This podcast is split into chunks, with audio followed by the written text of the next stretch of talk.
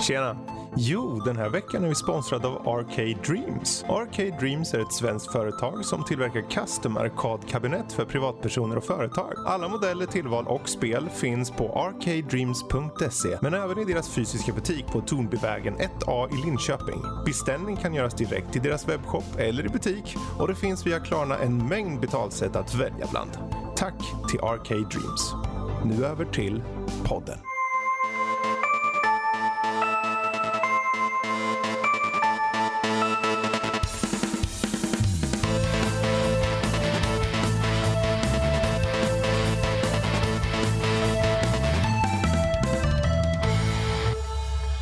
Hej och välkommen till Nördliv, en podcast om spel och eh, nörderi av alla dess slag. Dagens datum är den 21 september och det här är avsnitt 226. Jag heter Karl och med oss så har vi våran eh, folkkära Bombi, men också Chris från Äntligen Spelmusik. Välkomna! Hallå! Eh, veckans avsnitt är blandad kompott, men jag misstänker ändå ganska stort fokus på Chris, för jag har inte gjort så mycket och det har inte Bombi gjort heller.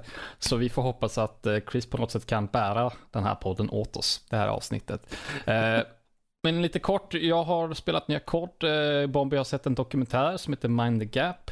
Eh, Chris, han har spelat lite allt möjligt. Falcon Age, Apex Legends. Vi ska även gå in på Eh, ett litet mobilspel som han jobbar med också. Eh, som heter Armed Heist. Men eh, mer om det senare. Men vi börjar väl med en liten klassisk isbrytarfråga i, i typisk Fredrik-stil. Så Chris, om du får välja. Vara tvungen att använda alla dina, all din sökhistorik och webbläsarhistorik ut, utskriven som tapet i ditt sovrum. Eller vara tvungen att ha sängkläder med bilder av din mamma tryckta på. Jag, jag, jag tror jag kör på sängkläderna där ändå. Jag, som sagt, li, lite hedrande till mamma ändå. Ja, Det kanske är mer smickrande än någonting annat än, än just Alltså, tror ni verkligen att ett ligg vill se eh, mamma på... Det, det vill de nog antagligen inte, men samtidigt. Det här är rätt roligt ändå. För jag hade haft en bild på min pappa när han höll mig när jag var nyfödd. Och jag kan säga, det tyckte inte tjejerna om heller. Eh, släck, släck lampan missionären, det är det som får vara. Ja. Ska vi se. Ja, du, du var med i majoriteten där. 62% vill ha bild på sin mamma på sängkläderna. Aldrig. Då, eh, då, då vet vi det. Eh, Men vi, vi hoppar väl eh, rakt in egentligen. Vilken ände ska vi börja? Jag sa att vi hade en massa skit att prata om. Ja. Bombi. Den här, du har ju legat sjuk vad jag förstått hela veckan här egentligen och då kanske man inte orkar göra så himla mycket. Men du har lyckats göra en sak i alla fall och det är kolla på den här dokumentären som heter Mind the Gap. Ja, Så den får du gärna berätta om. ja sagt. Jag har varit sjuk och är fortfarande. Så random hostningar och eh, snorningar kommer förekomma i denna podd. Um, nej, jag kollar på Mind Gap. Eh, finns på eh, SVT Play. Um, det är en dokumentär från 2018. Som är gjord av Bing Lu, Liu. Li, Liu. Liu. L-I-U. Ja. Eh, ja, inte en aning. Sorry for Är det bara IU? Liu. L-I-U. Ja. Liu. Bing Liu. Ja. Liu. Ja. ja. Men det handlar om ett eh, gäng killar i eh, eh, Rockford i USA som eh, dras till varandra för kärleken av skateboard. Och jag genomgår ju snart en 40-årskris som började för i somras. Så jag köpte en skateboard till mig själv. Eh, och Har du lyckats skata jag har någonting? skatat, det har jag gjort. Men Inga brutna ben eller handleder? Nej, eller? Jag åker Nej. runt, hunden drar mig framåt. Min fru och mina barn skäms. Men eh, jag kämpar på. Eh, så, Alltså någonting känner jag ändå att vi får göra. Min farsa var ju och köpte motorcykel här för ett år sedan. Så att jag menar, och han är vadå, 56 eller någonting. ja. Skaffa motorcykelkörkort. Så att att skaffa en eh, skateboard eh, sådär, det är väl inget. Nej, Det är fnysa åt eller? nej, vad fan. Alltså någonting jag vill lära mig. Stå på bucketlisten. Men i alla fall, för att återgå till Money Gap så... Eh, ja, men de är ett gäng ungdomar som alla skater tillsammans. Och sen så får man följa deras liv. När de blir äldre. Eh, och hur det går för dem helt enkelt. För vissa går det ju inte så bra. För andra går det bättre. Så... eh, Nej, Men det är bara liksom, det är inga spec, vad ska jag, nu säga speciella, men det, är- det är bara lite, lite ungdomar som, som, ja, gemensamma nämnare med dem att de skater och sen bara följer man deras ja liv, det precis. De blir ju vuxna. typ. Och vad händer när man blir vuxen? Blir Man vuxna. måste ta ansvar. Tycker vi Ja, om och att vissa, ta ansvar? vissa av de här ungdomarna gör det bättre än de andra. det är säger så. Ja, okej. Men ehm, den har vunnit en, en del priser och eh, men absolut. SVT Play, absolut värd att se tycker jag. Att eh, Mm. gå in och ge ett par timmar liksom. Hur, hur mycket en- tid täcker den här dokumentären ändå? Eh, i den, täcker den liksom typ 30-40 år utav deras liv eller? Nej, det gör de väl inte. Men en... eh, det är så svårt att säga för du får ju se klipp så långt bak i tiden. Men det tror jag är privata klipp ifrån eh, de som Mm. medverkar. Men jag skulle vilja säga att den sträcker sig fall över en 5, 6, 7, 8 år. Okej, ja. Ehm, och, men du får ju se klipp från när de är 11 liksom. Sen är de ju 23, Mm, 24 mm. senare liksom. Nej men, eh, alltså gillar man skateboard, det är mycket skateboard eh, miniklipp när de åker skateboard och gör tricks. Och sen så är det mycket om hur de växte upp och allting. Så, nej, faktiskt ganska, för mig i alla fall, intressant. Jag gillar ju levnads... Svårare än så blir det inte. Det en, en rak, ren rock- Ja, rekommendation. faktiskt. Om man gillar levnadsberättelser och tycker om biografier om människor och läsa och se och lyssna så tycker jag att det är riktigt bra. Jaha. Ja, men då så. Då, då nöjer vi oss där och går vidare. Jag kan väl ta och eh, riva av den här direkt så har vi det gjort. För att eh, den här dagen, eh, lördag 21 september när vi spelar in så, så är ju det öppen beta för nya Call of Duty Modern Warfare.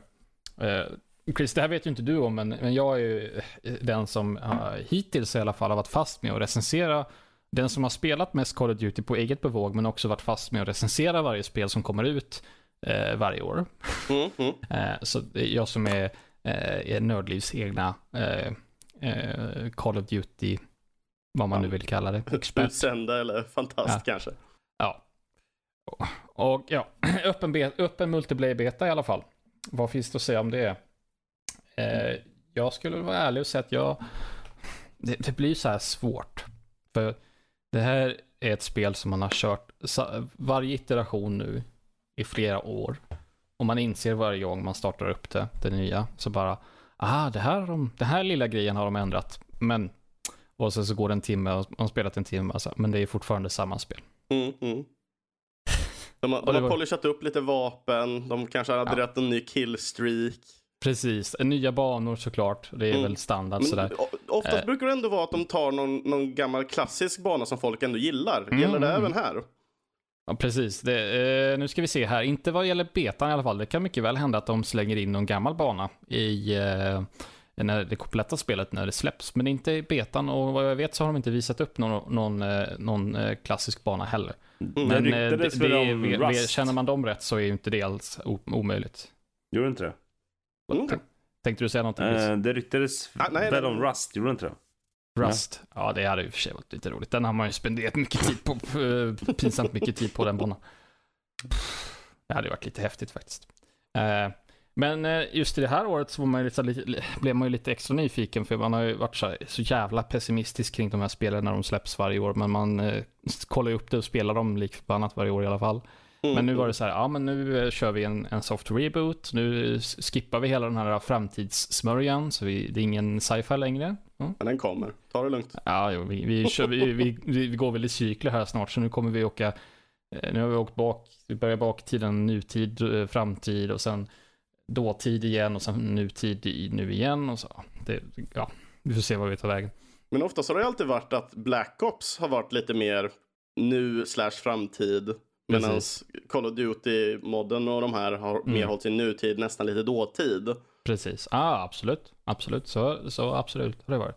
Mm. Eh, Med kanske för undantag för, eh, vad var det, de här Infinite Warfare och Advanced Warfare. Men, Ja. men, men, eh, men absolut, de har ju... Och om jag ja, minns rätt nu så Advanced eh, War, uh, Advanced Warfare uh, släpptes nästan samtidigt som Titanfall 2 nu. ja, det stämmer nog rätt För jag bra. för mig de hade typ liknande mekaniker och allting och jag vill minnas att något, ifall det just var där kommer jag inte ihåg men Eh, det var ju ett Call of Duty som typ släpptes samtidigt i alla fall, vilket gjorde att Titanfall 2 föll lite i bakgrunden för ja, folk. det stämmer. Det, det släpptes ju, det kommer jag faktiskt ihåg för jag recenserade Mm. ju Titanfall 2. Eh, och det släpptes ju mitt emellan årets Call of Duty, det var säkert eh, Infinite Warfare som du säger, eller Advanced Mm, Warfare. mm. Eh, det släpptes mitt emellan Battlefield 1 och eh, eh, vilket Call of Duty nu var det året. Eh, vilket gjorde att det helt hamnade i, i skymundan. Vilket är Mm, jättesynd för Titanfall 2 var, är och var ett jättebra spel. Det är ett fantastiskt spel. Speciellt singelkampanjen. Ja, verkligen. Eh, Men nu handlar ju, nu skulle jag ju prata om, om det nya. Eh, det- Men det som gjorde mig mer intresserad här var att de sa att det var en ny motor, vilket tack gode gud. Eh, helt ny motor skulle det tydligen vara, för det, de har använt samma uppgraderade motor i sedan Call of Duty 2, vill jag Mm. bestämt säga. Eh, Den här baserad på E-Tech, som användes till Quake Eh, från början och sen som, som den de kallar den, jag tror den heter IW, eh, Infinity Ward Engine eller något sånt där tror jag den heter. Eh, så helt ny motor och det märks ju direkt när man hoppar in. Det, jag är ju PC-fantast, spelar bara på PC och det har varit varierande kvalitet hur väl Call of Duty-spelen fungerar på datorn.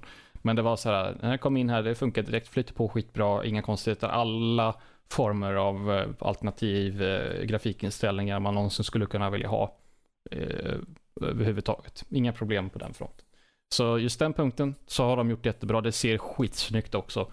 Eh, man kan väl inte förvänta sig något annat egentligen av, eh, av Call of Duty. Att, att det inte ska se... De har väl aldrig sett dåligt ut men det ser skitbra ut, modernt. Sådär. Mm, mm. Det, det tåls väl att, att nämnas. Men i och med att det är en ny motor så är det ju lite av en ny känsla i, i eh, springandet och skjutandet och hoppandet. Eh, och det är så här en liten detalj som jag som har spelat så mycket märker av. Men när man tittar, tittar på gameplay och så vidare, innan jag fick liksom testa på det själv, då tänker man wow, vilken jävla rekyl alla vapnen har. Det ser ut som att det är, är fan kanoner hela skiten som man springer runt och pangar med. För det, när, de, när man tittar på gameplay så, och de skjuter så flyger fan siktet åt helvete. Till skillnad från gamla Call of Duty-spel där jag snarare varit tvärtom. Där det har varit så här, äh, nästan brist på... äh, De, de blir väldigt statiska liksom till, Precis. till er, ska man säga, upplevelsen. Precis, alla vapen är så här, laserpekare mer eller mindre. Och det har Mm. liksom upplevelsen varit innan. Och, eh, Eh, men det jag har märkt nu när jag spelat att ja, eh, vapnen har väldigt mycket visuell rekyl så att själva vapenmodellen studsar som in i helvete. Men din faktiskt, ditt, ditt fast, faktiska perspektiv eh, rubbas inte mycket alls. Så att eh, det är lite av ett visuellt trick egentligen. Det är inte så mycket som att när du skjuter så flyger hårkorset upp i, i taket. Utan nej, det, det flyttas inte så mycket egentligen. Det är bara att det, är det ser mycket ut, det ser ut som att det är mycket rekyl, men det är inte alls egentligen. Eh, Och det, det, har- det har ju faktiskt en teknisk fördel också eh, Mm. när man väl tittar på det. Jag själv som har, eh, pillar lite med sådana saker eh, kan ju nämna det att när det väl kommer till de delarna, skulle det vara som så att hela skärmen och sånt skulle följa med så kan det oftast triggra eh, hos folk som har lätta att bli åksjuka till exempel. Ah, se där. Ja, det, jag ska ju säga det att jag, jag har ju inte lätt för att bli åksjuk. Jag tror det var många, många år sedan jag blev åksjuk senast. Jag har spelat många spel som, eh, som har den. Nu, nu är det inte en rättvis jämförelse. Man tänker på, jag tänker på Squad till exempel som är en Mm. betydligt mer, vad ska man säga, verklighetsförankrad shooter. Eh, Så där har de ju mycket det att du får se till att kontrollera för att skjuter du helt automatiskt så kommer vapnet stiga upp i, i himlen. Ehm, av sig självt liksom. Mm. Men eh, så är, inte, så är egentligen inte fallet eh, här Här. i det här Call of Duty egentligen. Du, Yes. det är, när man väl får bli bekantas med eh, eh, rörelsemekaniken i det här så känns det väldigt mycket same same egentligen. Mm. Men eh, det sagt, man fick ju väldigt mycket eh, Modern Warfare 1 och 2 vibbar. Jag satt och spelade här eh, tidigare idag innan vi spelade in nu. Eh, och spelade med några kompisar som jag körde eh, Modern Warfare 2 med. Eh, när, ja, då när det begav sig. Och då hamnade vi i en bekant situation när fienden hade helikopter och flygplan och allt vad fan det nu var uppe i himlen och man, hann, man kunde inte komma ut någonstans. Man blev totalt mosad. Så det känns som att någonstans har de gått tillbaka till det här när i, i Call of Duty Eh, i Modern Warfare 2 när de här alla killstreaks man hade är superkraftfulla. För det var de ju då. Sen har de liksom tonat ner det hela lite så att det ska inte vara en total clusterfuck när någon kallar in en, eh, en shopper gunner. Eh, det tonar de ner lite grann. Men nu är det snarare tillbaka till det. Så att, att får fienden upp, eller du själv får upp eh, några killstreaks, då har du typ ingen chans längre. Eh, man blir helt låst i span, man kan inte gå utanför. Eh, blir helt jävla mosad. Men det är, väl, det är väl det kidsen vill ha, eller? ja, jag antar det. Alltså det, det, det leder ju till, alltså det, det är ju sån här, det är lite ett vågspel det där. Ska man, eh, de som är, det, det, blir ju så här, man belönar ju de som är duktiga. De som eh, är skickliga och duktiga och får många kills, de får fler kills. Och de har jättebra upplevelse. Men de som, som inte är det, de blir mosade ännu hårdare.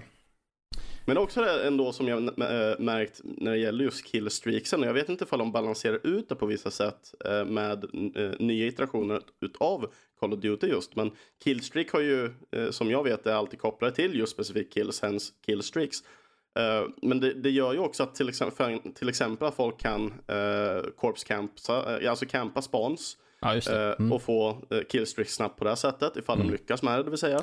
Eh, eller kampa helt enkelt. För, ja. för att visst, kanske inte få snabba kills, men de får tillräckligt mycket kills över en, en längre tid då, mm. vilket gör att de får de här killstreaksen. Och när de väl har då en, en shopper gunner så trillar killsen in, in på det sen när de typ spammar över en spawn zone liksom. Precis. Ja, Men jag vet inte, hur tyckte du, du du kände liksom balansen mellan killstreaksen kontra liksom ban, banbyggandet mm. i det här spelet? I det, alltså, då, det de har gjort då för att balansera det lite grann i alla fall är att det, kills, de krävs, det krävs mer kills för att få dem. Och de det jag ville ta reda på, jag lyckades inte riktigt bekräfta det.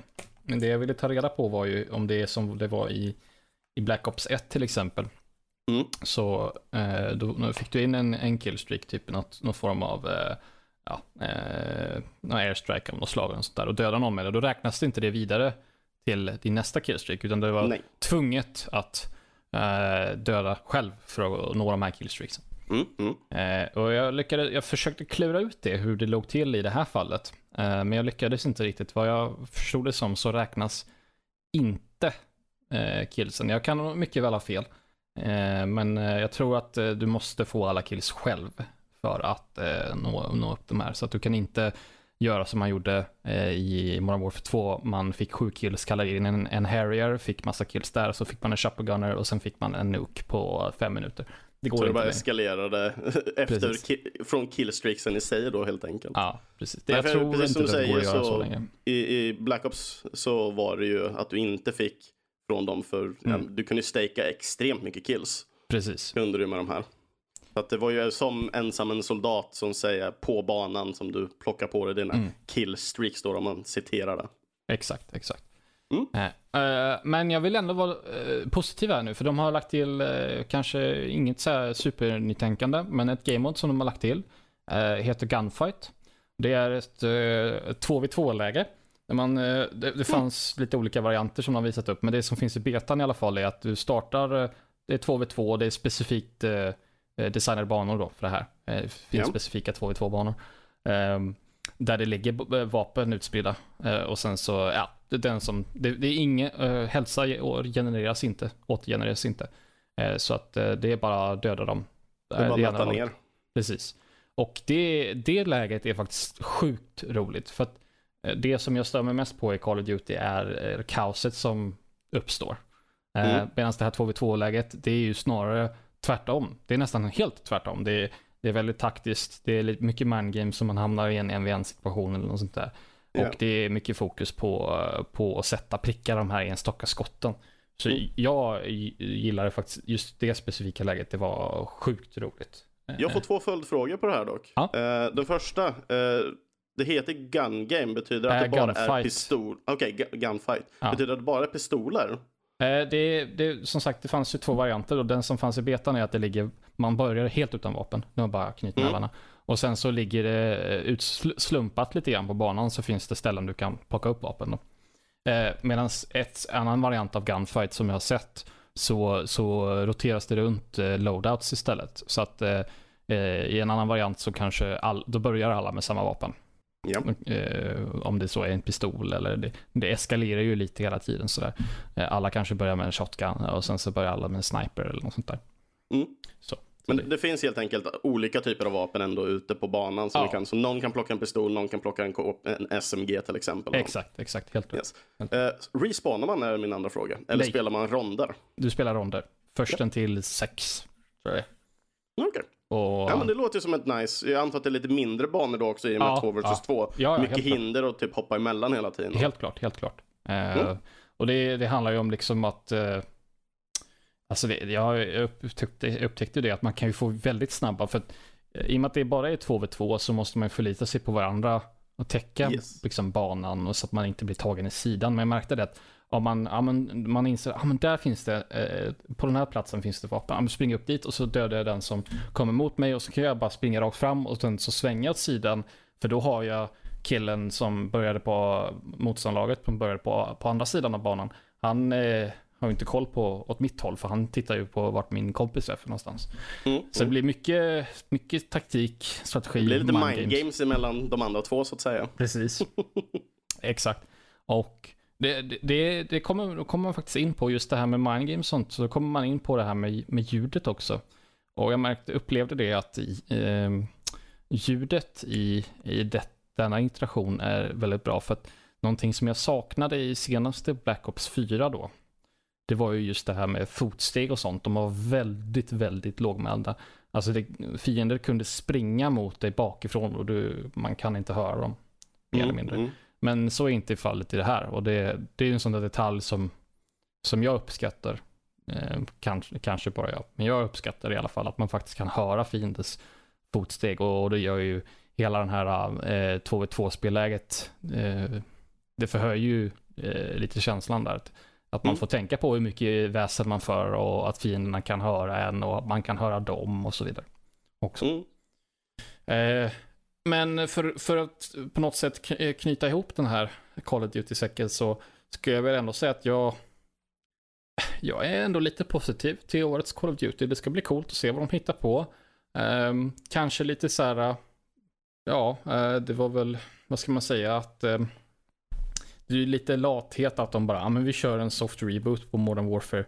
Alltså Call of Duty 4 Modern Warfare. Det är ju liksom, Mm, det är ju väldigt enkelt att göra så. Men, eh, Ja, det, men det är ju ändå populärt nu i tiden också. Att det är många som gör reboots och sånt av populära titlar. Ja. absolut. Så att det ligger absolut i tiden. Ja, och sen att vi får tillbaka single play-kampanjen också, tycker jag. Eh, Det, även om de kanske inte har varit så starka, förra året så hade vi ingen alls. I Black Ops 4, året innan dess, i World War 2, så var den eh, väldigt meh. Men man kan ju hoppas att, eh, att eh, årets kampanj kanske blir något att ha. Mm. Jag har ju en kompis till mig som, som ett tag så köpte han bara Call of Duty för kampanjen mer eller mindre. Han var inte så intresserad av eh, Ja, multiplayer-delen. Så till och med han kanske kommer köpa Call of Duty i år igen. Eh, Mm. Bara på grund av den saken. Eh, av den sakens skull. Nej, så att ja, men, jag ger dem en chans. Det här ska kul att se vad de hittar på. Eh, det kan nog bli bra. Förutsatt med, med en liten sån där parentes. De inte förstör spelet med mikrotransaktioner som de gjorde i Black Ops 4. Om de håller fingrarna i styr där så då kan det bli riktigt bra. Riktigt bra. Så fan vad jag höll på att mala på nu här ett tag med eh, om Call of Duty. Vad har, vi härnäst Kan att ta nästan döpa podden till eh, Carl och eh, Chris snackar Call of Duty. Ja. Eh, inget illa menat, illa menat mot dig Bromby, men det är ändå bra att eh, Chris kunde ställa lite motfrågor så att det inte bara jag har... Alltså när jag spelade Call of Duty senast, då spelade jag den kampanjen på PC faktiskt. Eh, och då var det en kampanj, den här klassiska, man klättrar i gräset där för att undvika de här eh, som går i gräset. Om du Duty. Det måste ju vara Call of Duty 4 i så fall. Ja, det måste... Gilly and the Mist heter uppdraget. Ja, men det måste... Det är ju säkert i alla fall 10-12 år Man är i sedan. Ryssland Ja, någonstans, precis. nära, eller i Ukraina blir det väl? Ja. Nära, Senast jag spelade Call of Duty var förra året och spelade Call of Duty 2 multiplayer med mina serbiska kollegor. Ja, jo, men... Nice. sjukt nice. Ehm, Saknar lite Call of Duty. och sen så spelade jag, Mm. då spelade jag på seriös, eh, seriös nivå. Jag spelade kampanjen, det är inte seriöst. Men sen spelade jag nu här med min son för ja, tre år sedan kanske. Och då spelade vi Black Ops 2, tror jag. Ja, jag tror att det är Black Ops 2 som står här i... Han har specialversionen av Special Edition, så han har även box. Uh, Fick man något speciellt av? ja, man fick några coins fick och man skit. några- Fick man. Ja, jag kommer inte ihåg fan var. Men han har. Inget så här en, en nattkikarsikte? Nej, det, det 2? var ju någon super deluxe version. Min svåger har köpt dem. Och sen fick någon annan fick man en bil. En sån här radiostyrd bil. Man kunde köra med någon bomb. Black. Ops, Ja, Black ja, ja. Ops 2 Ja. care package så fick man en, en flyg, flygande drönare. Ja, det fick En man. Det är sant. Tills man körde in den i hyllan. Så det är inte lika cool längre. Eh, nej, men då ledde ju jag med, jag har ju sagt dragit den här storyn förut, Eh, men eh, jag ledde ju med 13-0. Eh, och ni vet ju, man hånar ju barn. Man Ska lära sig Ja, på det hårda sättet. Livets ju skola, folk, eller vad va? brukar man säga? Så jag satt ju där Ja. och, åh det är så lätt, åh du är så dålig, åh kolla vad jag är så enkelt över dig. Och sen så vann ju han den matchen med typ 15-3. Och matchen efteråt, matchen efteråt, eller 15-13. Och sen matchen efteråt fick jag stryk med 15-0. Eh, och så efter det så går vi upp med en eh, Call of Duty-karriär. Jag inser med ålder att man inte har reflexerna längre. Mm. Nej, jag ser det, inte fram emot det. Jag fyller ju 24 här om bara några veckor. Någon dag så kommer jag ju få lägga, lägga eh, första personskjutaren på hyllan. Men inte riktigt hänger med. Aldrig! Never! Såklart man inte behöver göra det, men eh, någonstans inser Nej att men man alltså inte- det är, alltså, det är sinnessjukt. Man, man får inse att man inte är bäst, men du kan ändå njuta av att spela. Ah, Jo, men det är klart fan man ska Men nej. njuta och spela. Jag gillar ju first person shooters. Det är bara att jag är så jävla dålig på dem. Dels för att jag spelar dem alldeles källan. Och sen så... Sagt, reflexerna har försvunnit. De har faktiskt gjort det. Även när det Ja, kommer till men det är- plattformsspel. Det är... en- Helt okej Bomber, du får Jag får åka skateboard spela det precis vad du vill. Ja. Ja, det Så länge det du inte bryter några ben så är det helt Nej, okej. handleder är väl värre. det är... Ska... Ja, Ja, det är väl det mest klassiska. du får väl göra som jag var tvungen att göra när jag var liten. Skulle t- och testa på med det här med skateboard och sätta på alla, alla, alla jävla skydd som det finns i hela jävla världen. Det skulle vara knäskydd och armbågsskydd och handledsskydd och hjälm Mm. och ja, pansarplåt. Eh, Mhm. Annars fick inte Det jag är som en åka. liten rullande tank. Ja men typ, det är så jävla varmt blev det också. Men eh, å andra Jag är sidan glad så... att jag hade hjälm första gången jag körde pool. Å andra sidan så, ja, eh, det fanns väl ett syfte. Man ramlade ju en och annan gång och slapp man ju skrapa upp på hand, eh, vad heter det, handflatorna och sånt Mm. där. Så det, det fanns väl ett, eh, ett syfte bakom det. Det jag var rädd, det var jag rädd för när jag köpte min skateboard, det var just mina handleder. Så jag köpte handledsskydd. Det var det enda jag Ah. köpte av skyddsmässigt. Inte ens en Nej. hjälm då? Men barn, Okej. man ska ha hjälm. Alltid Handledsskydd hjälm. och susp. Eh, nej, jag köpte handledsskydd för jag var rädd om mina handleder. Tänk om jag inte kan spela tv-spel Ja, längre. Eh, nej, så det var enda skydd jag köpte. Men ja. Ja, ja. Hoppa vidare Kalle, du som är värd. Ja, vi tar väl och plockar någonting ur, eh, ur högen. Jag är faktiskt, jag jag valde ändå att ta med det. Du sa, Chris, du sa att du hade spelat eh, Apex Legends då. Och Yes. eh, anledningen till att jag ville ta upp det, för jag, jag testade ju såklart på det, det är ju Zonar ut igen. Ja, eh, vi hörs sen Bombi. Eh, Du får nog vara med på något samtalsämne. Du kan, du kan fundera på någon, om det är någonting som du vill prata om Bombi, så får du, kan, du kan fundera på det nu. Jag ska så tar vi upp det prata, sen. eller vi ska prata Prata om Nintendo om 8-bitar Chris sen. Ja. Eh, Men just det här med Apex Legends då. Yes. Såklart så testade jag på det när det kom och det, det är förvisso, jag har ingenting emot det alls. Det är ett jättebra spel, men eh, Battle Royale är inte riktigt min grej. Eh, Men Mm. det jag tänkte på, det som jag ville fråga dig, du som hängt med fortfarande, är hur har spelet utvecklat sig och har det så kallat staying power? Kan det hålla sig vid liv, egentligen, det här spelet? Ehm, Absolut skulle jag säga. Uh, detta av två eh, större anledningar. För det första, eh, de som ligger bakom Respawn, Mm. eh, de som gjorde Titanfall-spelet. Apex, eh, för det första, håller sig ju inom universumet av vad Titanfall är. just det. Det, Ja. Apex Legends håller sig ju i The Frontier som det heter. Eh, Så redan där eh, så, så är det en, en, en stark poäng. Eh, Respawn kommer hålla det här hårt för det första. Så länge det finns folk så, och så länge som, som folk spelar aktivt så kommer Respawn jobba med content till det här spelet.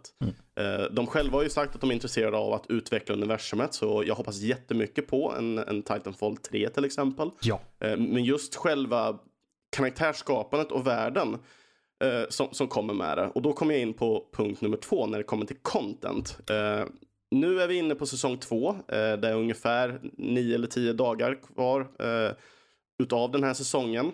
Eh, idag så gick de ut, eller om det var igår kväll, eh, så gick Respawn ut med typ patch notes och det inför kommande säsong. Så tredje säsongen sätter igång nu första oktober. Eh, och här så fick vi se för första gången, som jag minns det i alla fall, en faktiskt eh, animerad video som klassiska typ, eh, men som Overwatch gör, små origin stories typ. Ah, ja. Eh, Så nu får vi träffa på den nya karaktären som det har ryktats om eh, då folk har hackat typ spelet och läst källkoderna. Så nu har vi äntligen fått namnet och bekräftelsen på riktigt för Crypto som är en eh, ny hackare som kommer joina Apex till nästa säsong. Mm. Eh, och precis som i olika säsongerna som har varit nu, eh, alla två, eh, så när säsong två kom så hände det lite saker med kartan. Eh, det kommer vi även se i eh, säsong tre. Och det är också en rolig sak när det väl gäller content. Eh, tittar vi på sp eh, spel som är Battle Royale i dagens läge så tar vi eh, Fortnite och Apex här så ser vi hela tiden att kartan som vi spelar på är alltid liksom en och densamma. Men den förändras, den är Va- levande så att säga. Vad tycker du om det konceptet då? Om man jämför med ett annat Battle Royale-spel så har vi PubG då. De kör ju hellre på att flera kartor istället. Eh, Föredrar Mm. du det att man har en karta som förändras? Eller? Det som är roliga med det är ju att spelet kommer alltid kännas nytt. Eh, Utvecklarna i sig eh, kommer inte behöva gå tillbaka och revampa olika banor. Sådana saker kommer med för och nackdelar. Mm. Eh, tittar man på, på PubG som du säger med att ha tre, fyra olika banor och bygga på nya. Eh, göra lite småfixar här och där. Fixarna i sig märker vi tar väldigt lång tid innan de oftast sker. Absolut. Eh, på grund av att de oftast arbetar på nya kartor och dylikt. Eh, tittar man då istället på eh, en säsong i, eh, i Apex Legends, jag höll på att säga Titanfall där.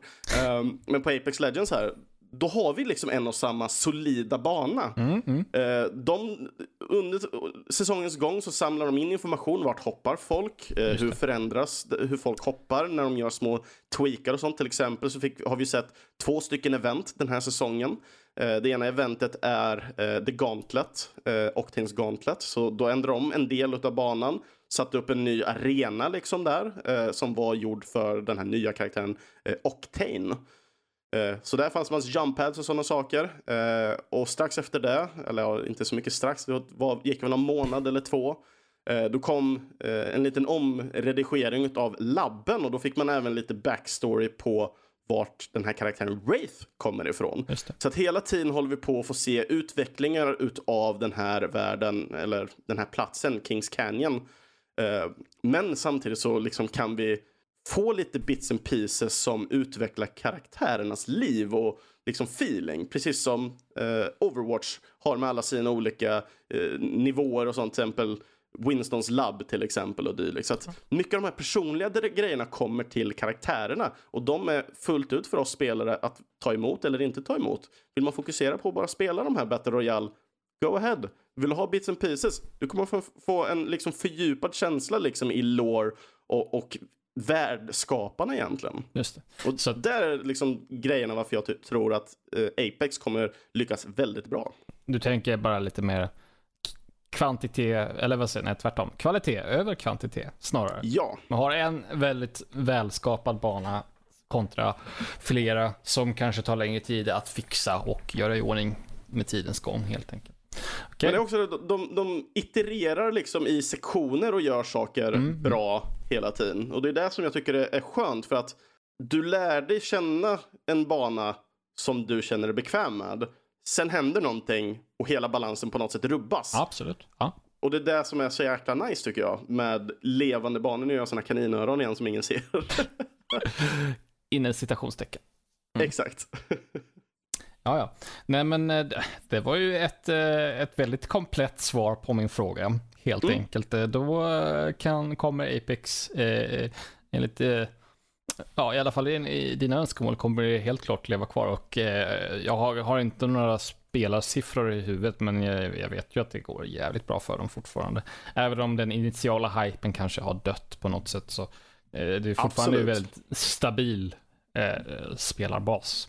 Mm, Om man säger så. Och med tanke på att det här är ett spel som eh, de själva inte la någon typ av marknadsföring på. Ja, det var lite Eh, roligt. och det, det är också av anledningen att de trodde ärligt talat inte att det skulle eh, hålla sig mot PubG och eh, Fortnite. Exakt. Så det här är jättekul att det har fått fortsätta faktiskt. Jag undrar om eh, hur de tyckte där på Respawn, om de så blev jätteglada över att det blev en sån succé eller om de kände så här att fan, nu måste vi utveckla det här istället för Titanfall 3 istället. Eh, saken är från deras vd så är de ju jätteglada. Alltså det här Ah, är ju pengar till studion. Ja, ju, vilket gör att studion kommer fortsätta växa. Det kommer finnas en division som jobbar med Apex och en Precis. division är- som kommer ju- jobba med projekt. Det är ju såklart den enkla, enkla svaret på den frågan att men då har man ju såklart ett team som jobbar på Apex och sen så Yes. flödar det in pengar så att de kan eh, jobba på Titanfall 3 istället. Så det här är jättebra eh, för just studion Respawn. Ja, och eh, de har ju inte, alltså de, Respawn har ju verkligen inte gjort någonting, eh, något dåligt spel än. Nej. Så att jag ser fram emot vad de hittar på härnäst, om det så är ett nytt IP eller Titanfall 3. Jag skulle nog nöja mig med båda delarna. Eller i och för sig, de Mm. håller ju på med, vad heter det, Jedi Fallen Order. Yes. Håller de på med. Så de har ju för, förvisso, de har ju fullt upp med det också. Herregud. De har att göra, men de är, det är en väldigt duktig studio är det ju. Eh, framförallt då med tanke på att vi pratade lite om Call of Duty så Treyarch, eh, det är ju folk från Treyarch som hoppar in och startade Mm. studion som är idag Respawn. Precis, ja men eh, exakt. Och eh, ja, det, det är ju klart och tydligt. Det finns vissa likheter där. Eh, Mm. Men eh, det, det har ju jag gått in på innan, likheterna. De, alltså att det är så tydligt att eh, det är före detta Call of Duty-utvecklare som har jobbat på Titanfall. Men Mm. det kan vi ju gå in på någon annan dag. Och jag har gjort det innan också. så vi, vi låter det vara. Eh, Bombay, är du vaken eller? Nej, knappt. Kom du på någonting som du ville prata så om? Nej, jag tänkte vi skulle prata med och om Chris. Uh, tänkte jag. Det tror jag vi skulle Eh, göra för tog vi 40 kanske minuter sedan, i- men...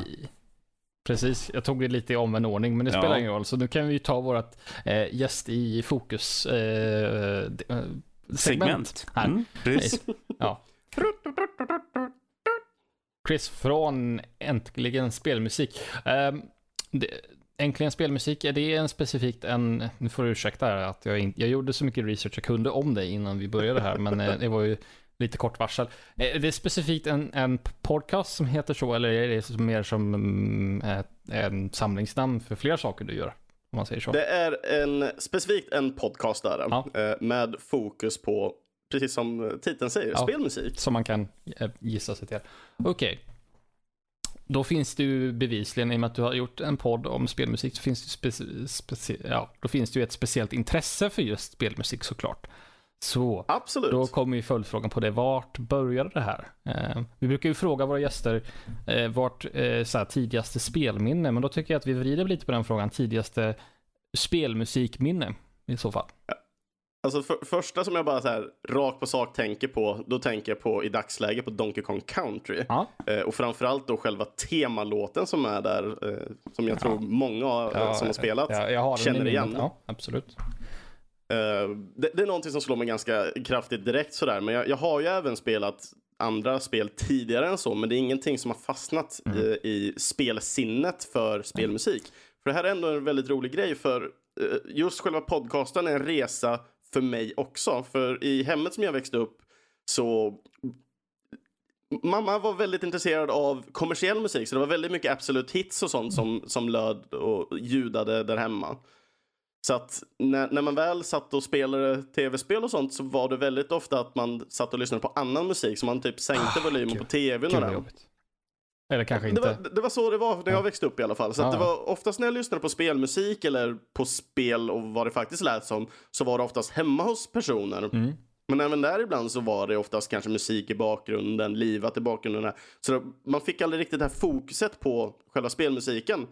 Eh, Så för min del när det väl kom till mer fokus på själva spelmusiken var eh, när jag flyttade hemifrån för första gången eh, och började lyssna på podcast. Och en av de första podcasterna som jag började lyssna på var spelklassikermusik. Eh, Och med tanke på att jag ändå har intresset för mycket chiptune och, och den delen så var spelmusik ju väldigt nära ändå. Ja. Men spelmusik i sig var ju inte ett fokus till en början. Så det var mycket modular musik, eh, sånt som kom från till exempel Commodore 64, SID chip. Mycket sådana eh, typer av låtar. Och mycket av sådana låtarna kom på grund av DreamHack när jag besökte dem. Eh, laddade ner alla Kompos-låtar och Wild-låtar och dylikt. Liksom. Allt sånt där nördigt. Men att du nämnde Sid från Commodore 64. Har du hört eh, Machine Supremacy? Fall. Absolut. Ja, bra. Eh, Jag ville bara kolla. Tror tror- Eh, tror för att, det- det han, han har en utläggning på fem minuter om hur han upptäckte tv-spelsmusik. Och du tror att han har missat Machine Supremacy. Ja, nej, men jag var bara tvungen att kolla. Man vet aldrig. Det, ro, det roligaste av allting också är ju just det. Det är så roligt att du nämner just eh, Machine Supremacy. Eh, de har ju varit med och gjort soundtrack till två spel vad jag vet. I alla fall rakt av. Jag visste bara ett, men du får gärna berätta det andra. Det, det första som jag gissar på att du känner till är Gianna Sisters Twisted Dreams. Jag tänkte på, är, är inte Jets and Guns? Det är det andra spelet. Ah, Okej, ja, mm, Men de gjorde, eh, ska man säga, det är ju två systrar i Gianna Sisters. Ja. Eh, så det finns en, en god och en ond. Mm. Eh, och om jag minns rätt så är det väl Chris Hylsbeck. N- Nu är inte jag 100% säker här på namnet. Men Chris Hylsbeck har för mig gör originalmusiken till Gianna Sisters. okej. Så när han gjorde musiken till, eh, ska man säga, remaken då som är Twisted Dreams. Eh, så när de gör musiken till spelet för den goda systern så är det Chris Hylsbecks musik. Men när det går över till den rockigare och punkigare då blir det Machine Supremacy musik vad som man får höra. Som då twistar över hela tiden mellan varandra där man byter mellan systrarna. Häftigt. Fucking amazing! Så får jag ställa det. Vi kör em, en snabb eh, topp. hur- vad vill du göra? Topp tre, topp fem? Hur mycket, många platser vill du ha? Vi kör en topp tre, det går lite snabbare tror jag. To- Topp tre går lite snabbare Ja. tror jag. Eh, Ja, du vet ju vad frågan eh, kommer leda för någonstans. Topp tre, eh, ja, soundtracks då, Spelsoundtrack. helt enkelt.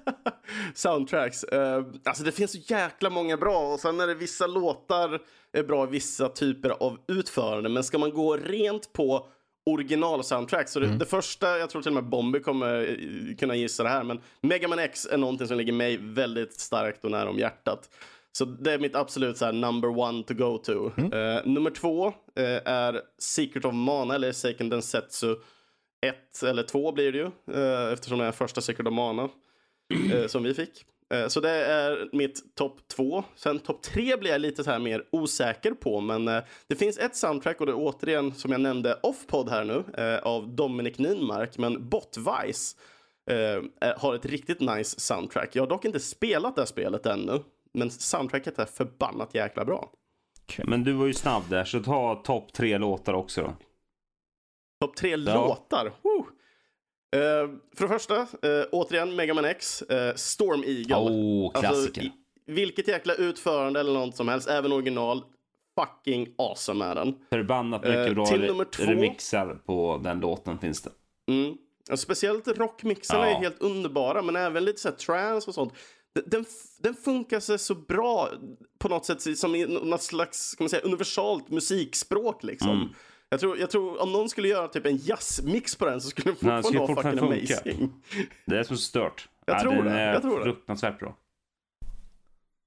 Så den är, den är riktigt jäkla bra. Eh, sen eh, in på två så har vi faktiskt en liten speciell låt. Det här är en låt som kommit ganska eh, nyligen till mig och min vetskap, men ändå ett så gammalt spel. Och återigen nu Donkey Kong Country 2 här. Ja. Eh, Jib Jig heter den. Och det är en låt som spelas när man spelar i eh, piratpartierna på det här, när man springer ut på piratbåtar och sånt. Eh, och det är en låt som har fallit mig mellan stolarna har det. Men alltså den är helt fucking amazing är den. Men anledningen till varför jag, den trillar mellan stolarna är för att det är så jäkla stressade partier så man blir så jäkla koncentrerad så att musiken har liksom aldrig liksom fastnat i mitt sinne eller reagerat på den för att man är så koncentrerad på elementen och allting som sker omkring. Men du pratade väl om den eh, i sista, senaste avsnittet du gjorde va? Ja. Yes, korrekt, korrekt. Eh, pratade lite om vindar och allting som man kan höra i, i, i själva. Fast det var också en, eh, mega, eller en Sega-remix var Mm. också på den. Så det är inte originallåten men det är fortfarande en väldigt rolig touch på själva låten eftersom Donkey Kong Country eh, 2 släpptes till Super Nintendo. Så den har sin edge där och så när man lyssnar på via en Sega Genesis så blir det annorlunda ändå eh, musikmässigt sett. Alltså, jag Eh. tjuvlyssnar lite på den. Jag ser mm. charmen som äh, låten har. En till då. Yes, och sist men inte minst så är det en av mina favoritlåtar till sommaren. Och det är eh, Color of the Summer Sky ifrån Secret of Mana. Och precis som alla märker så har jag ett väldigt starkt Super Nintendo-intresse. Ja, hur går det med gå. Super Nintendo-samlingen? Just nu så har den tyvärr fått eh, stanna upp lite, men det blir något spel lite här och var. Eh, och just nu så är jag uppe i, vad är det? Senast när jag registrerade spel, jag har fortfarande typ så här 10-15 spel som är fortfarande oregistrerade i min samling, men jag är uppe i typ 138 eller 139 eller 140 kompletta Super Nintendo-spel. Mm, det är imponerande. Mm. Och tanken med mitt samlande där är ju att jag ska komma upp i en komplett eh, NTSC och PAL-samling då, då så att jag har komplett liksom från USA och Europa. Mycket har, Och då pratar vi om det är- 756 spel. Ja. Mm. Eh, Svar på tal. Eh, Ja. ja, men då har du lite att jobba på. Då har jag verkligen lite att jobba på. Men eh, my- mycket av de här lite större spelen har jag liksom redan checkat av. Så mycket av de här mindre spelen som kommer komma nu är lite så här billigare spel ändå för mig. Ja, jo, såklart. Det kanske inte Till exempel så sitter jag på eh, Su- eh, Super Metroid Big Boxen och Demons Crest och Mega Man X 1 och 2. Saknar trian till exempel. Ja, men det, jag har ändå några av de här finare som annars kan bli lite dyrare spel. Vilket är skönt. Men Chris, jag var ju ändå med från samma dag du la ut eh, din eh, pilot på Facebook. För två år sedan. Mm. Ehm, vad fick dig att starta en musik, alltså tv-spelsmusikspodd? Vad var tankarna när du tänkte att det här kommer funka? Och eh, det har ju funkat uppenbarligen två år senare så är du fortfarande igång. Men vad, liksom, vad var tanken? Är du liksom, vad, vad, varför just en tv-spelsmusikspodd? Min första tanke är, eh, precis som jag nämnde innan med eh, spelklassikermusik, så är spelklassikermusik en podd som följde med mig väldigt länge. Jag menar, det är 300 avsnitt Ja, som, den var som Gwen alltså Hiro gjorde. fantastisk den podden. Exakt. Eh, och den har varit fantastisk för mig med. Eh, speciellt liksom i, i ett tillfälle där jag flyttade eh, från mitt hem eh, till en helt ny stad. Jag bodde liksom två timmar enkelresa ifrån mitt, mitt barndomshem och alla mina vänner. Eh, till att liksom vara själv, känna ingen, eh, börja jobba liksom. Podden och spelmusiken och nördigheten blev liksom ett ankare för mig. Liksom att hålla liksom mig inom sinnesro liksom på något sätt. Eh, och det är lite därför som jag kände eh, sorgen när eh, sp- eh, spelklassiker musik lägger ner efter 300 avsnitt och de känner sig liksom klara och vill sätta igång med sina egna projekt som de vill ha då de kände liksom att podden i sig bara liksom det var någonting de kände sig tvungna till att göra än att tycka att det var kul att göra. Mm. Så när den stängde ner så kände jag liksom att det fanns ett utrymme för eh, en spelmusikspodd. För det var den enda spe- svenska spelpodden som jag kände till. Eh, och Har vi idag annan. några andra svenska spelmusikpoddar förutom Äntligen Spelmusik? Det har vi inte, eller hur? Jag tror inte det. I, i, inte till min kännedom. Eh, jag vet att det finns någon sida som heter typ spelmusik.net. Eh, men de har ingen aktiv podd som jag känner till i alla fall eller dylikt. Eh, och alla andra som håller på med typen av, av eh, spelmusik är oftast typ specialavsnitt, precis som ni hade i somras. Jag vet Par Pixlar har lite specialavsnitt ibland när de pratar om spelmusik och dylikt. Men ingen som är renodlad med fokus på just Mm, spelmusik. nej.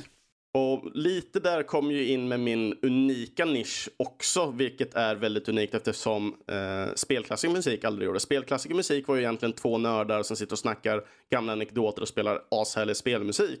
Medan min eh, podcast handlar mycket mer om att fokusera på kompositörerna, lyfta fram musiken. Eh, vad har de gjort? Vad är deras upplevelser? Liksom, vart är de nu? Eh, så att mitt syfte med podden är egentligen att lyfta fram kompositörerna, eh, visa vart lyssnarna kan eh, köpa musiken väldigt enkelt liksom och komma åt allt det här. Kan man höra den på Spotify till exempel och dylikt. Men även då försöka till var fjärde avsnitt att bjuda in en kompositör eller artist som har jobbat på ett spelsoundtrack eller jobbar med chiptune-musik som har förankringar ändå till någon typ av spelmusik. Men du får ju ändå på, på något sätt, när jag lyssnar på dina avsnitt med dina kompositörer som gäster och artister, så får ju du på ett väldigt, väldigt bra sätt dem att öppna upp sig. På ett väldigt, mm. alltså de är väldigt eh, öppna när de liksom pratar och berättar och allt det här. Och det är ju du extremt duktig på att få dem till att göra. Och det är det som känns så mm. härligt. Liksom att du får dem verkligen att... Du har ju suttit i den sitsen också ändå. Nej. Så du, du, du vet ju ändå exakt hur det känns. Du har ju varit med, de har ju inte varit med och gjort podcast tidigare. De blir inbjudna till min podcast för att vilja prata om soundtrack och musik. Och egentligen som jag brukar säga till dem egentligen, det handlar egentligen bara om att tänka att det är två vänner som sitter i en soffa och snackar skit. ja, och det har ju vi gjort. Men jag menar, ja. Exakt. Absolut, och det är det man är ute efter i en podcast. Och det är därför din podcast är så härlig.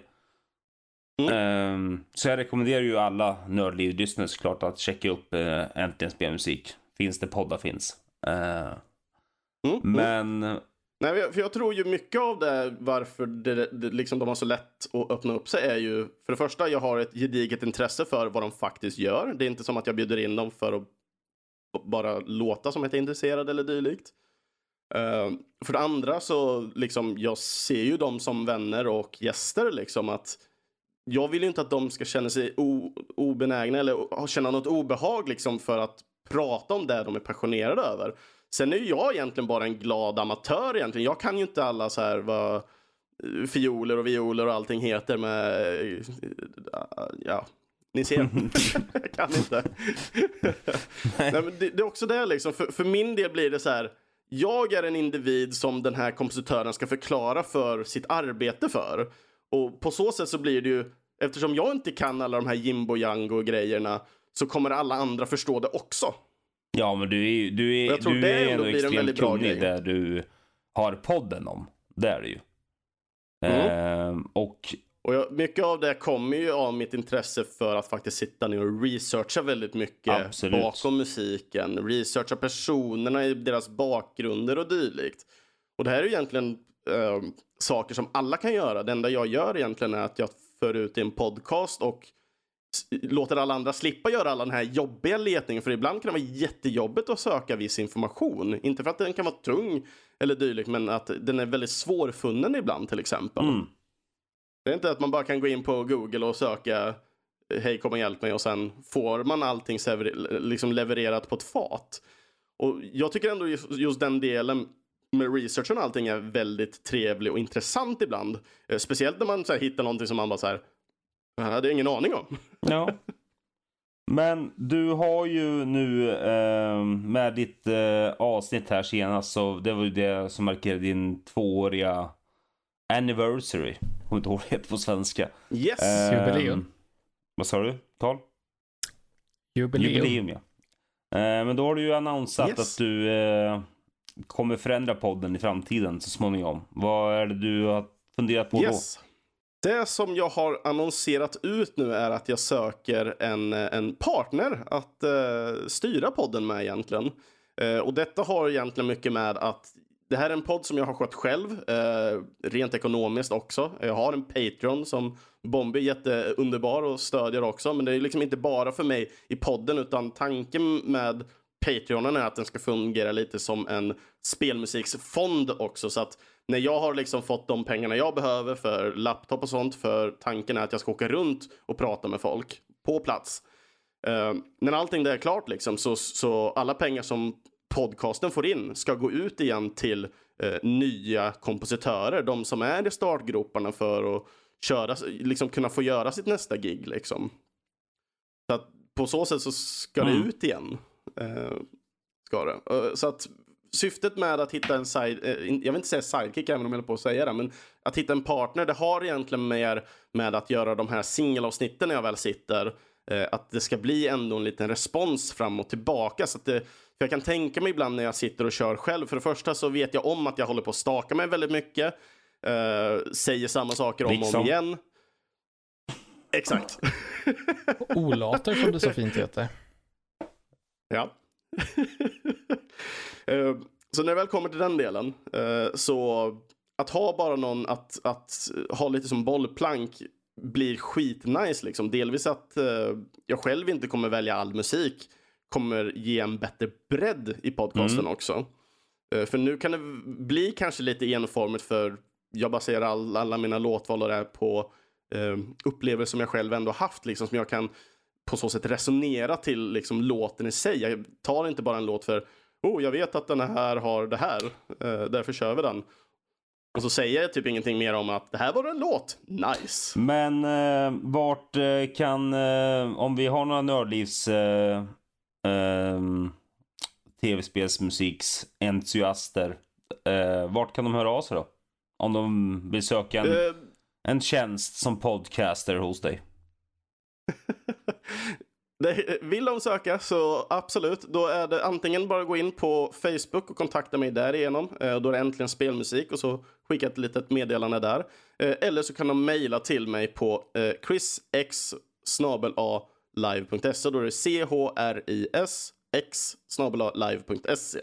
Eh, Skriv gärna en liten bara kommentar till varför du tror att du passar till podcasten. Eh, ifall du har ett gediget spelintresse liksom för just, ja men kanske bara spel och vi pratar precis som mig som en, en glad amatör, liksom bara prata om musiken lite mer liksom. Eh, eller om du är en musiker själv men ändå vill ha en podcast och prata om spelmusik liksom för att kunna ge den edgen. Eh, och sen Eh, skicka gärna ett litet ljudtest liksom så man vet att man inte sitter på en, en skränig headset eller dylikt. Man vill ju ändå hålla någon typ av kvalitet liksom i själva podcasten. Men visst, är det där man har men ändå har intresse för att hej, om jag får en podcast där Chris kan sitta och editera allting, eh, då kan jag köpa mig en mix sen. Ja.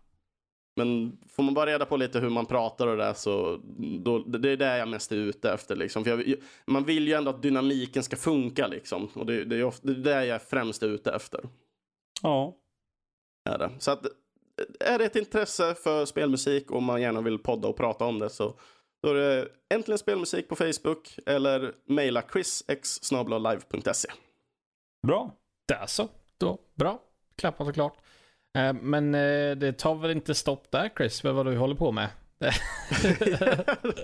För känns, mycket kanske, jag vet inte. eh, det känns som att nu gör vi bara reklam för allting du gör, men det, jag tycker att det är helt Yes. okej. Eh, Ja. det, Det är klart som det- det fan man måste få fokus, plugga för i helvete. Ja. Du får, du får ta över själv och berätta vad det här handlar om, men du är involverad i någonting som heter Videospelsklubben också. Vad är det för någonting? Yes. Eh, Videospelsklubben är ju, ska man säga, smidigast än att säga, eh, säga det, det är som en nördsajt egentligen för, för flera olika kanaler. Eh, vi har flera olika podcasts. Eh, Äntligen Spelmusik huserar där. Vi har Parpixlar, Det måste spelas. Vi har Pixelklubben 64, eh, Retro Game Audio. Sen finns det säkert typ x antal till som jag missar. Men det är jättemånga olika podcasts som huserar på videospelsklubben.se. Eh, vi har även eh, lite YouTube-serier och sånt. De, en del ligger på lite is. Jag har för mig eh, ångestspel går igenom videospelsklubben där. Eh, och det, är liksom, det är egentligen en, en sida för all typ av nördighet. Sen att vi ligger mer aktivt på podcast-sida än video och recensioner och, och artiklar och sånt. Eh, men en glad, härlig sajt liksom. Och det som är det absolut roligaste just med eh, videospelsklubben är att två gånger per år så har vi eh, vad som kallas då ett, ett vinter eller sommarkalas. Eh, där vi sitter en hel helg från fredag till söndag och streamar spel. Och det brukar alltid vara liksom spel sida vid sida så att det kan vara att vi kör ett spel från ett Sega Mega Drive medan på den andra sidan så spelar vi från ett NES 8-bitar till exempel. Och sen spelar vi extremt mycket weird spel. Videospelsklubben är ju väldigt retro eh, fokuserad, Fokuserad. ska ju tilläggas. Men eh, eh, det ramlar Folk väl in ett och annat Monster Hunter. spel eh, från äldre perioder, nyare perioder också där. Yes. Ja, nej, men det, det finns det absolut. Jag tror den som håller sig främst eh, kan man säga, till nuet är väl egentligen vår podcast Gillestugan. För de, de gillar att hålla sig, prata om, om nyheter, men det är även där lite så här, ny retro, men även lite retro ibland. Och leksaker. men jag tror de är väl de mer nya. Ja, exakt. Film. Ja, absolut. Finns det någonting som Nej, du så- inte gör, Chris?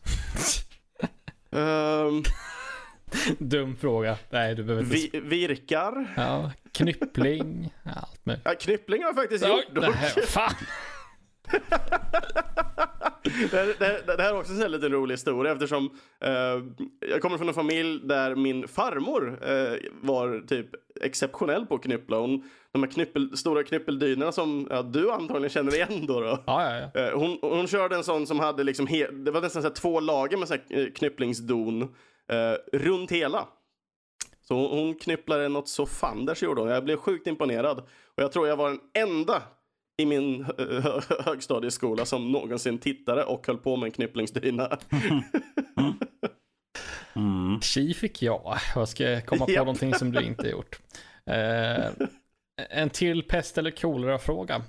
Tänker jag vi drar här. Jag har Shoot! suttit och klickat mig fram och nu hittar jag en som tycker är rolig. Eh, Ni kan båda svara på den här. Nu måste jag hosta. Ge mig en sekund. Eh, Ja. Det där går folk. Det kommer vi höra i inspelningsmaterialet sen ändå. ja, men jag är ju professionell va, så jag har ju en knapp som jag kan tysta mig själv och det spelas inte in. Eh, God damn it. så att... Eh, Jag har tystat mig själv i 40 minuter i den här podden och era jävla COD och Apex-diskussioner. Men Bomber, Ja. om du fick välja att för alltid använda dig av e-postadressen sexy dragonslayer 1998 hotmail.com eller för alltid ha ett telefonnummer bestående av 50 siffror. Alltså problemet är att min main-adress egentligen, nu har jag en adress som heter argenius.martin.hotmail.com som är en seriös adress. Men innan Precis. den så hade jag, eller har fortfarande, diehard.diefast. Så jag menar, det, det, det, det, det, jag, tar, jag tar den där Dragon Slayer-adressen. För det är typ Sexy samma Dragon sak. Slayer 1998. Jag, jag tar garanterat Dragon Slayer-adressen. Den var ju fett cool ju. Ja, det är major- majoriteten håller med. 53 procent hade hellre 53 tagit- bara? sex- 53 procent hade velat ha mailadressen sexy Dragon Slayer 1998. Det, det finns ju ändå en fördel med att ha de där 50. Ingen ringer. De sli- ja, exakt, man behöver inte signa upp för nix. Eller så behöver man verkligen göra det för då är det enda telefonnumret i Sverige på 50 Jag siffror. var inte lika ja, professionell som men dig fan orkar liksom? Men däremot så ska jag dricka nu. Eh, för gången i mitt liv så ska jag öppna upp en Coca-Cola Energy Drink. Och mina söner sa att det här är Pewdiepies. Sa de. Pew- va? Ja, Vad har Pewdiepie med? jag har inte en aning. Coca-Cola Men de Energy snackade Drink om att att det... Ja, men det kanske är specifikt den kolan är Pewdiepies Nej, kanske. nej, det är... Har, de, har, har han Som skickat den? Ja, i. precis. Det är jag och Felix. Ja. Vi är kompisar. Eh, nu ska vi se. Bästa Ni är så tajta alltså. Smaktest här får vi se. Oj, en Mm. live smak. Mm. Live också och allt. Eller det blir inte live för alla som lyssnar i efterhand nu då. Ja, fan. ja. Går väl ner. Sma- hur, hur nära cola smakar den? är min första Den fråga. smakar smält isglass med kolsyra. Okej. Eh, Men eh, hur mycket koffein är det i en burk? det är ju den viktiga frågan. mm, Ska jag se vad som står. Det är inget ljus i den. Vänta så vi se. Uh, koff- sockerarter står det bara. Vad fan då? Det ska ju vara high Det här var caffein, socker. guarana och B-vitaminer. Ja, B-vitamin. men hur mycket? Ja, jag är håller det inte på 200 att titta milligram på koffein så är jag inte intresserad. Näringsinnehåll. Vilket jävla näringsinnehåll? Eh, 32 milligram kaffe per liquid 100 sugar. milliliter. Nej, 30, 32 32 32 milligram. milliliter koffein per 100 milliliter. Ah, nu tror, jag du läste lite fel. 32 milligram möjligtvis. 32 milligram koffein per 100 Ja. milliliter. Okej, och det är Jag, jag, så ungefär jag vet inte det är mycket. 100. Ja, det är nog... Det är, ja, det är nog ganska lagom. Det brukar vara typ 180 eller 200 milligram i en burk sån här Nocco eller Celsius. Så det är väl i, Ja. Mm. i underkant då. Men det behöver ju samtidigt så. Ja. Man behöver så mycket koffein egentligen. Ja. Behöver man energi och det, då ska, du strick, då ska man dricka en spike shooter istället. Då jävlar blir det drag. Hur mycket koffein är det en sån? Eh, för mycket kan vi börja med. Den är inte bara till för sådana som verkligen högoktantränar. Jag köpte ju, Spike back shooter. in the days, köpte jag ju Sedan 2008 är Spike Shooter förbjudet att ta in i Sverige. Japp. kanske en anledning. Två, nej, här har vi det. 120 milligram koffein per 100 milliliter. Åh herre jävlar. Fem gånger så stark som den burken jag håller i. Eh, Och då ska vi tänka på, Spike Shooter har för mig, de säljs i 0,25 eh, centiliter. Så de är mindre än en 33 centiliter. Fan. Om jag minns rätt nu. Det skulle ju för fan skaka hela kroppen jag köpte dricker så mycket. M150 i 10 pack förr i tiden. Eh, och då köpte de, det, är ju typ så här små, jättesmå flaskor. Eh, Ah, gula med någon Mm. röd stjärna på. Det var också så här superhögt koffeinintag. Och sen hade de även koncentrerad Red Bull på den asiatiska butiken. Ja. Men det var väl de som såldes i Ja, en liten precis. brun flaska va? Och det var väl typ fy, fyra Red Bull i, Ja, i det var en sån. helt sinnessjukt. Inte konstigt att folk- folk dör av Red Ja. Bull och vodka. Spike Shooter och vodka, där har vi en, eh, då vet man att det är helg sen. Jag bara säga. Ja, det, det vi får ta nästa fredag, Chris. jag tror jag, jag står nog över. Åh. Kör lite tequila sunrise på hörnet själv. Ja. Ja, men annars jag känner mig eh, rätt nöjd här Bombi. Om inte du har någonting du vill ta upp, eh, om inte Chris, om inte du vill ta upp någonting själv. Jag tänkte vi skulle prata lite eh, om Chris arbete. Ja, för att ja, promota såklart. honom lite Kör till. hårt. Ja. Ja, ja, ja, såklart. Vi, vi är inte färdiga med gästen i, i fokus. Nej, men han jobbar ändå med något intressant.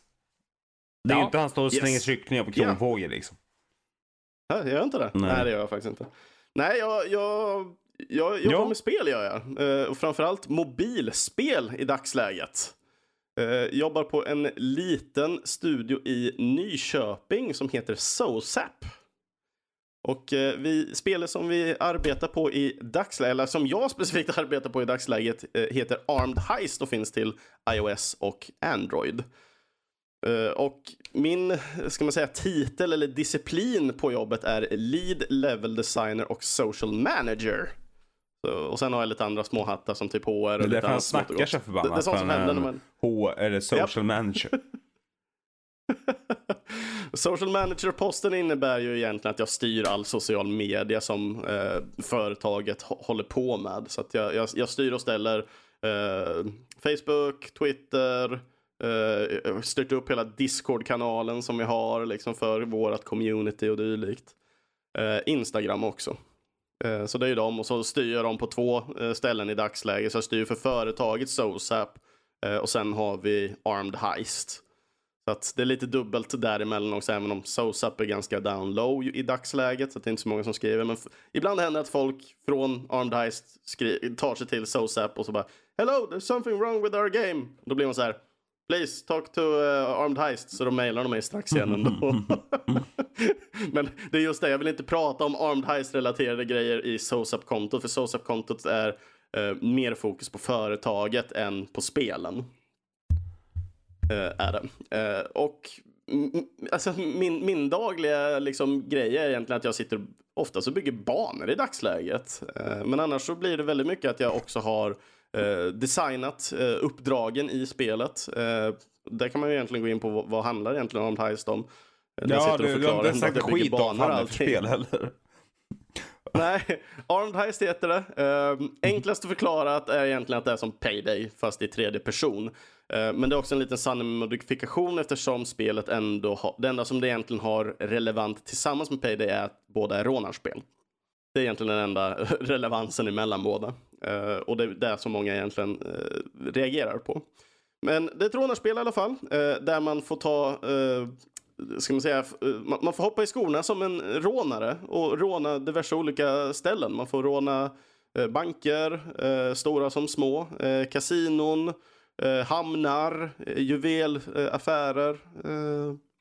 Det kommer komma ännu mer. Jag kan tyvärr inte gå in på exakt allting. Eh, men i dagsläget så håller vi på att utveckla ett multiplayer mode eh, också så att man kommer kunna spela tillsammans med folk. Okej, så det är single player till att börja med? Alltså från, från grunden? I, I dagsläget så är det endast single player. okej. Ja, Eh, och det är ett, ett, P- ett så kallat PVE för fancy kids där ute. player versus environment. Så att man spelar själv och gör alla de här heisen. Eh, ibland så kan man ha två, eh, upp till två stycken AI som följer med och hjälper en. De är tyvärr lite mer köttsköldar än eh, vettiga rånare. Är de. Eh, och det som kan stoppa oss är eh, till exempel poliser, eh, vi har security guards, eh, vi har thugs och SWAT framför allt. Och kasinovakter, of course. Och alla de här eh, gubbarna där, alltid har de någon typ av referens. Så för de som kanske spelar spelet eller kommer spela spelet och ta sig till region, vad blir det, 1, 2, 3, 4 är det, då man börjar låsa upp eh, hamnbanorna och då börjar eh, thugsen komma in. Den stora thuggen som är klädd i svart och ofta springer omkring med shotgun eller Uzi, den är baserad på mig. Okej. Så han springer omkring som en liten bandit i spelet. Eh, li, li, lite funny så kallas han Fat Chris på jobbet. Jag vet inte, det är väl rätt smickrande på något Bra sätt med att man fick ta självdistans. ja, men, men jag, jag är ganska nöjd. Jag, jag är hellre Fat Chris än Chuck Patte. No questions asked. Ja. Men, eh, ja, men du trivs i alla fall och... ehm, Jag trivs jättebra. Så pass mycket att jag till och med eh, själv har gått in och investerat i, i företaget så att säga. Eh, så att jag är ju en del, inte bara en del av studion, jag är även liksom en partner med studion eller en ägare utav studion. Och det är ju främst för att jag har lyckats komma in så pass tidigt i studions utveckling som jag har. Eh, Just nu i dagsläget så ligger vi i en expansionsfas där vi söker programmerare och vi söker concept artists framförallt för att göra vår studio här i Sverige i alla fall mer eh, komplett. Eh, För vi har även en studio nere i Serbien också där vi har i dagsläget 11 stycken helt underbara kollegor. ja. Så att det är mycket som händer. Eh, Jag tror eh, de flesta av oss i Sverige kommer nog få höra om SOSAP eh, inom två till tre Mm. år åtminstone. Då tror jag en majoritet av folket i Sverige kommer veta vilka SOSAP är för att vi Mm. är på uppgång. kul, kul, kul. Jag önskar dig all lycka. Yes. så Ehm, så där Kalle, nu får du avrunda om du vill. Jag Ja, känner att jag är klar. Det blev eh, Ja. Ett avsnitt fokuserat på Chris, som vi hade tänkt från början. För vi hade inte så mycket att prata om. Det var helt planerat på det här viset, jag lovar. Men eh, innan vi pluggar oss själva så kan vi plugga Chris. Eh, Jag tänker eh, enklast att hitta, man kan ju gå in på, som sagt, äntligen spelmusik, den finns ju på videospelsklubben.se då. Finns det ju där. yes. Eh, Kan man hitta just podden någon annanstans eller är det just dit man ska gå? Eh, po- podcasten kan ni hitta främst på videospelsklubben.se för det är där den eh, huserar. Men det går även att hitta den i alla möjliga olika eh, podcastappar. Skulle det vara som så att folk inte hittar den eh, på sin podcastapp, skriv jättegärna till mig för jag vill jättegärna eh, få reda på vart jag mer kan liksom lägga ut den. Eh, men annars så är det liksom bara sök på Äntligen Spelmusik så hittar ni den garanterat via liksom en, en vanlig Google search. Men Instagram och eh, Facebook finns eh, konton för Äntligen Spelmusik. Se där. Och eh, Yes. ja, vill man ha mer av oss så kan man ju såklart gå in på nördliv.se och läsa våra spelrecensioner och vi även tillbehör mus, tangentbord, alla möjliga små roliga saker där. Finns där. Följ oss på Twitter och Instagram, Nordliv SE heter vi där. Mm. Och eh, vill man eh, påpeka någonting jag har sagt eh, fel eller så vidare eh, kan man skicka mail till oss på eh, info at nordlivpodcast.se. Eh, vill man adressera till någon specifik person så går det såklart bra med förnamn at nordlivpodcast.se så Carl at nordlivpodcast.se i mitt fall. Hur har vi gjort med, vi har två Martin. Hur har vi gjort med det? Ja, du, det får du Jag fråga Fredrik. Det är han som lägger upp. på det. Jag misstänker att det är Bombi att nordlivpodcast.se. Nej, jag har Martin. Men jag vet faktiskt. Du har Ja. Martin. Det är inte så här, vad heter den andra Martin i efternamn då? Eh, det vill jag inte... Jo, det kan vi säga. Inte så här, jo, Johansson säga, men, ja, är inte Martin J då? Jo, kanske. Ja. Jag vet inte. Ja, skitsamma. Helt... ja, ja. Påar ni nu hur man mejlar någon annan? Det är fel person att fråga. Vi, Fredrik sitter här nere i en annan kanal så du får fråga Ja. han sen när vi är klara. Men det var det. Yes. Avsnitt 226. Blev till slut färdigt. Mm. Tack och bock. På återseende. Hej då Hej allesammans.